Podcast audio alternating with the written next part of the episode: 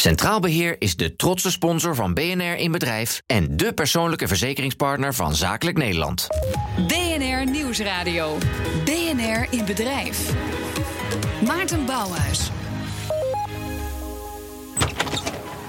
BNR in Bedrijf komt vandaag wel op een hele bijzondere plek binnen. Althans, voor uw presentator. Want dit is het gebouw waar mijn studietijd begon op de Ichtes Hogeschool in Rotterdam. Aan het vasteland. De luisteraars die daar ook hebben gestudeerd zullen dat herkennen. Maar jongens, die school is al lang weg. Uh, er zit een bedrijfsverzamelgebouw in en we zijn bij Uphone. En die kennen we van televisie. Ik zie Ruben Nicola hier op de kantoren op de muur staan. En Uphone heeft honderdduizenden klanten. Is een heel groot bedrijf. Maar er zitten hier, als ik goed tel, 1, 2, 3, ik loop even door de gang heen. Vijf kantoorruimtes. En als ik het goed heb begrepen, 14 man personeel. Hoe kan dat? En dan ook nog een bedrijf wat in 2010 failliet is gegaan, een doorstart heeft gemaakt en waar ik in deze uitzending alles van wil weten. Laat maar snel beginnen. Een BNR-bedrijf kijkt achter de schermen en legt het geheim van de ondernemer bloot. Deze week dus bij Ufone in Rotterdam. Een telecomaanbieder die in 2008 als prijsvechter op de markt kwam... en een turbulente start kende. In 2010 gingen ze failliet. Maar na een doorstart is een bloeiende onderneming geworden. Centrale vraag van deze week. Wat kan een ondernemer leren van dat faillissement? Goedemiddag. En we zijn hier uh, te gast tijdens de lunch. En we zullen de collega's straks ook wel aan het woord horen. Bij mij aan tafel Valentijn Rensing, directeur en oprichter van Ufone. En Richard Jansen, assistant professor Strategy and Transformation van de Nijrode Business Universiteit. Heren beiden van harte welkom.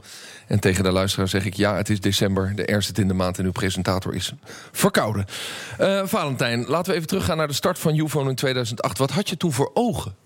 Nou, ik dacht, uh, wij kunnen een markt disturben.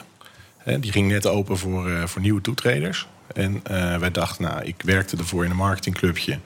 Uh, met name voor telecomaanbieders. En toen dacht ik, nou, is een eigen provider, dat lijkt me wel wat.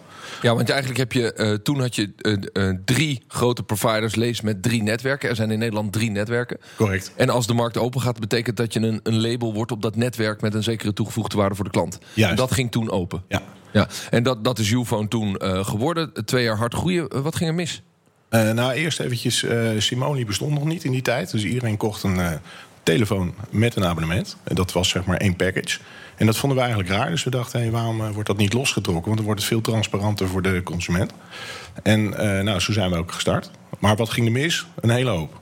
Je kan bijna beter vragen, wat ging er goed? Wat ging, nou ja, wat, wat, wat, als je ernaar op terugkijkt, wat, wat, wat is het lijstje met drie punten die je boven je bed hebt hangen... waarvan je zegt, ja, dat, dat is eigenlijk de, de grote reden geweest? IT, finance, en uh, organisatie. Maar wat bedoel je daar dan mee? Je had IT uh, ingekocht en, en niet goed onderhandeld? Of ja, ik had een Amerikaanse partij die uh, zou voor ons de hele backbone regelen. Dat is vrij complex in telecomland. Maar ja, als je geen facturen kan sturen, je kan geen Telfort-nummers bereiken... en dan gaat daarnaast nog van alles mis. Want jij zat, op, jij zat toen op het Telfort-netwerk? Uh, we begonnen op het T-Mobile-netwerk. Oh ja, maar je moet wel telvoortnummers kunnen bereiken. Want dat is wel fijn voor de klanten. Ja, dat is wel prettig, ja. Anders kun je een kwart van je, van je telefoonbestand niet ja, bereiken. We hadden geen fraudedetectiesystemen, dus er werd ook nog uh, enorm 0900 fraude gepleegd. Nou, een debiteur in, in het begin trek je natuurlijk het putje van de markt aan. Dus uh, daar hadden we ook geen echt antwoord op. Dus ja, dat liep eigenlijk helemaal direct mis. Het is eigenlijk een wonder dat het nog twee jaar heeft geduurd, als ik het zo beluister. Nou, ik heb het een jaartje weten te rekken en strekken, zeg maar. En nog wat geld erin en hoop dingen uitgehaald om verder te komen. Maar uiteindelijk waren we nog van IT-leverancier verhuisd.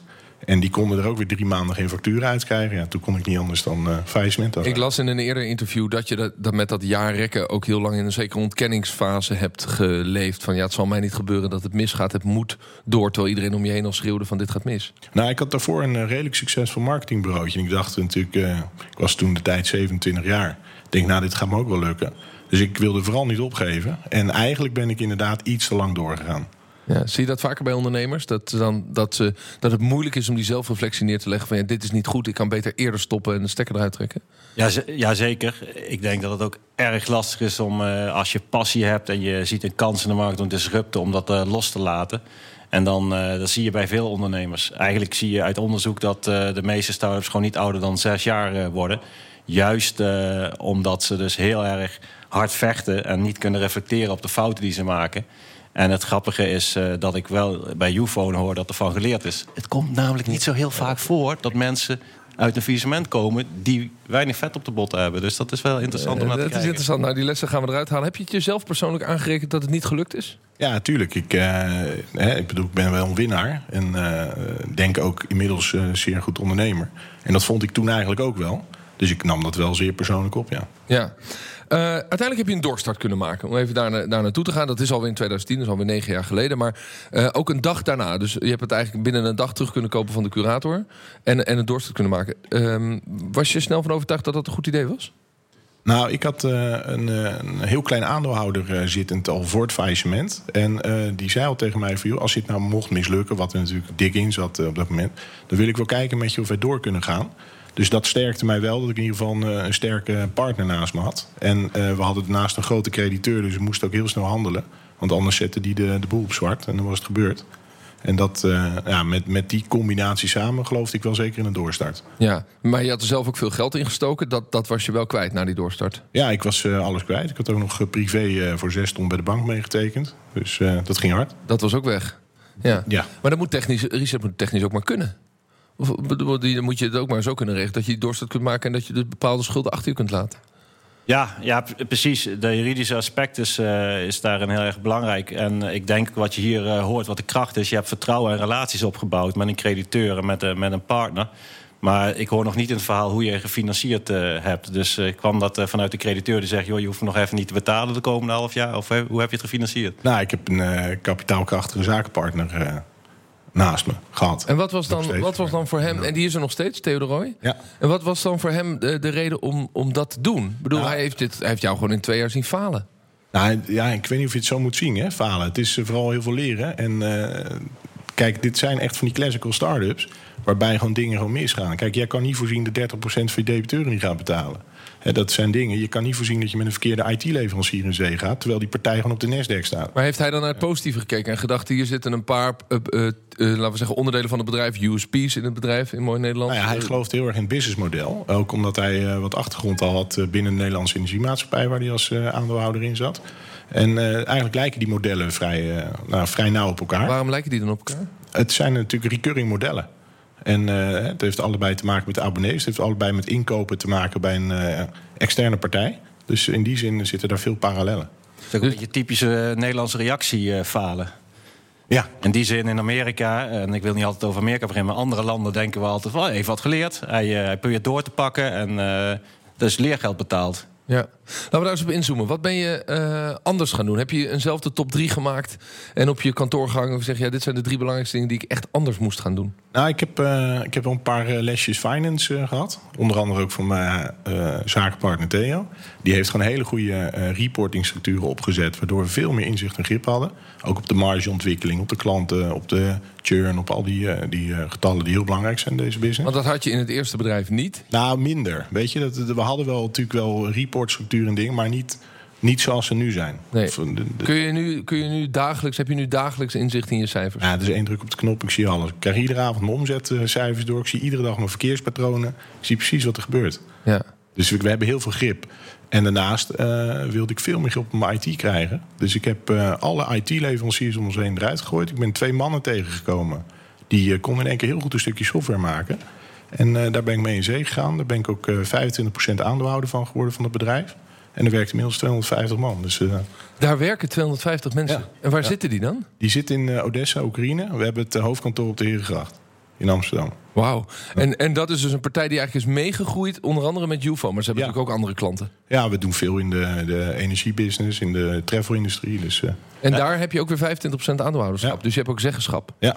Maar leidt dat niet af? Eh, wil je niet gewoon met Ufone alle energie erin stoppen? Nou, voor mij niet. Hè. Inmiddels eh, is, uh, is UFO natuurlijk best wel ver eh, in, in waar we zijn. En dit is puur voor mij als aandeelhouder en eh, toch wel een beetje op de achtergrond. Ja, omdat je zei we.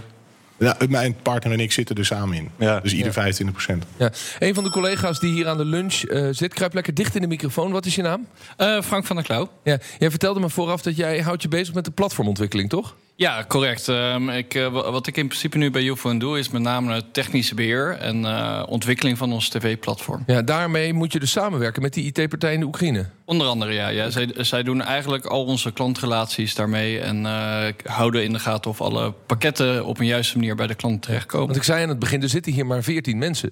Uh, maar ja, als je een IT-bedrijf met 250 man... Uh, die, waar jullie dan een van hun klanten zijn, in de Oekraïne hebt zitten... betekent dat het eigenlijk een heel groot onderdeel van jouw werk is... om te zorgen dat zij doen, zeg maar, dat ze dat ook goed doen. Jazeker, ja. Het merendeel van ons werk bestaat eigenlijk op, op puur het aansturen van mensen van buitenaf. Dus allemaal groepjes developers die we aansturen. Is het moeilijk? Moet je vaak naar Odessa toe? Uh, nee, nee. Tegenwoordig gaat eigenlijk alles via Skype. Dus uh, we kunnen alles gewoon uh, online doen. Dus dat gaat allemaal via chats en dergelijke. En je hebt ook het gevoel dat je grip hebt. Dat je, ja. dat je werk je een soort van gelijkwaardig samen? Of is het toch een soort aansturen vanuit het grote Uphone hoofdkantoor op het vasteland? Nou, het, het, is wel een deel aansturing inderdaad. Maar wat we met name doen is inderdaad... je hebt daar natuurlijk ook managers rondlopen. En daar hebben we gewoon overleg mee. En dan we hebben gedeelde systemen. Dus we kunnen heel makkelijk inzien wat, wat voor werk er al gedaan is en niet gedaan is. Ja, maar dit dankjewel. De, de reden dat ik het vraag, Valentijn, is natuurlijk dat je aan de ene kant zegt: ik moet mijn bedrijf klein houden en ik ga IT wil ik controle op hebben, maar je ja. wilt het niet allemaal in huis hebben, want dan gaan de kosten oplopen. Nee. Um, maar goed, dan heb je een partij in Oekraïne met alle culturele uh, bridges die er dan te overwinnen zijn. Heb je dan altijd het gevoel gehad van ja, dit is dan wel de weg vooruit? Ja, zeker. Kijk, uh, het, het, moet ook bij je passen. Hè? Ik bedoel, ik ben een ondernemer die niet zo van managementlagen houdt. En uh, bij een bedrijf in Oekraïne heb je natuurlijk wel echt de handjes nodig, het klopwerk. En dat is echt het fysieke werk wat daar gebeurt. En dat, zijn specialisten op dat gebied. En uh, een bedrijf als Ufone heeft natuurlijk meerdere disciplines. En ik geloof niet dat je overal specialist in kan zijn. De grootste valkuil voor ondernemers: alles zelf doen. Ufone werd een succes doordat Valentijn Rensink eigenlijk niets meer zelf wilde doen. Althans, IT wilde die wel een beetje onder controle. Nou ja, goed. Straks meer in BNR in Bedrijf. Centraal Beheer is de trotse sponsor van BNR in Bedrijf en de persoonlijke verzekeringspartner van Zakelijk Nederland. BNR Nieuwsradio. BNR in Bedrijf. Mijn naam is Maarten Bouwers. Welkom terug. We zijn deze uitzending van BNR Bedrijf te gast bij Ufone in Rotterdam. Daar praat ik met Valentijn Rensing, directeur en oprichter van Ufone... en Richard Jansen, assistant professor Strategy and Transformation... van de Nijrode Business Universiteit. Een mond vol toch, hè Richard? Jazeker. um, uh, jongens, wij waren in gesprek over het feit, uh, Valentijn... dat je uh, heel veel dingen anders bent gaan doen na het faillissement. En, en ik zei al tegen je, heb je nou een top 3 gemaakt... van de dingen die je anders gaat doen? En een van de dingen zei je finance. Ik heb een lesje finance gehad. En IT. Uh, en IT heb je aan de ene kant onder controle, aan de andere kant heb je het uitbesteed. Uh, ja, we noemen dat ook in mooi Nederlands outsourcen. Uh, is, dat, is dat het enige of heb je eigenlijk alle andere diensten die je nodig hebt ook geoutsourced? Nou, we hebben hier bijna echt alles geoutsourced. En de mensen die hier werken, die sturen eigenlijk alleen maar externe partijen aan. Dus zelfs de marketing werkt met externe bureaus. fulfillment is geoutsourced, debiteurenbeheer is geoutsourced. Nou, IT natuurlijk. Dus eigenlijk bijna alle disciplines waar je mee te maken hebt binnen een telecombedrijf, die zijn extern, maar wel gekoppeld aan mijn eigen platformen. Dus ik heb overal koppelingen naar externe partijen, van Huawei, KPN, uh, nou ja, tot mijn fulfillmenthuis, tot mijn debiteurenpartij. En die zijn allemaal aan mijn core platform gekoppeld. Maar hoe is dat dan anders dan dat je uh, als marketingafdeling... Uh, heb je leveranciers, hè, reclamebureaus, designbureaus... Nou, je kunt van alles verzinnen, en mediabureaus. Dat is eigenlijk vrij gewoon. Dat noemen we geen outsource, toch? Dat is een soort van inkopen. Maar nou, je, ziet veel, anders? je, ziet, je ziet veel partijen die doen de marketing voor een groot deel zelf. En waar wij van zeggen, nou, we werken toch weer met uh, specialisten om ons heen. Ja, en dan zeg je, ik heb het gekoppeld via mijn eigen platform. Wat voor platform is dat dan? Kan, kan je ja, dat hebben wij, uitleggen? ja, dat hebben wij uh, nou ja, uiteindelijk gebouwd door hè, dat je moet koppelen met je netwerkoperator. In dit geval bij ons KPN voor het mobiele stuk. En daar zit je billing in, je CRM-systeem zit erin. Maar ook je voorraadbeheer van je set-topboxje zit erin. Eigenlijk zit alles daarin. En dat wordt dus extern ja, beheerd en aangestuurd. Dus dat platform, dat platform is van jou? Ja, de platform is van ons. Dus de data gebouwd, die gebouwd door mijn uh, Oekraïense vrienden. Ja. En, uh, dus, maar alles wat daar aangeknoopt is, dat komt bij externe bronnen en partijen vandaan. En dat betekent dat als een externe partij met jullie wil samenwerken, dan hebben ze een verplichting om over jullie platform te samen, samen te werken. Ja, wij maken altijd een, een koppeling met ze. Ja. ja. Dat is interessant. Zie, zie, je dat vaker? Dat een bedrijf zelf zegt: ja, maar dit is ons platform en, en, en dat is dan de weg hoe we gaan communiceren, handelen en, en werken? Ja, in, in telecom en software probeer je allemaal de regie in eigen handen te hebben met je eigen backbone en je eigen software. Maar wat ik het meest fascinerende vind, is eigenlijk dat je enerzijds lean en mean probeert te zijn, dus heel veel uitbesteden en de kosten laag te houden. Maar tegelijkertijd hoor ik bij heel veel andere bedrijven wat de core business is. En de core business is klanten, Ja. merken, recurring omzet. En dat mis ik nog een klein beetje in je verhaal. Dus hoe zit het dat jij echt extreem, extreem, extreem de focus hebt op je klant en de recurring en herhaling van, eh, van de de Ja, want als je dus al die dingen uitbesteedt, dan is de vraag: ja, wat is dan de kern van wat de 14 mensen hier doen? En wat is hun geloof? Wat is hun missie? Waarvoor staan ze elke dag op? Nou, we staan volgens mij eh, voor één ding. En dat is eh, alles ten gunste van de consument. En volgens mij hebben wij een prijsdruk weten te creëren in deze markt. Waar eh, heel veel mensen in Nederland profijt van hebben. Want dat is de kern van het, van het, van het laten we zeggen, het businessmodel van Ufone. Scherpe, lage prijzen bieden. Absoluut. Dat, dat is doordat je zo lean en mean georganiseerd bent. en het zo hebt gebouwd zoals het is. hebben wij gewoon een voorsprong ten opzichte van de andere partijen. En tegelijkertijd, een KPN en een T-Mobile kan nooit die, die, die scherpe prijs bieden, omdat die gewoon een heel grote organisatie achter zich hebben. Dat zijn legacy modellen, ja. Ja.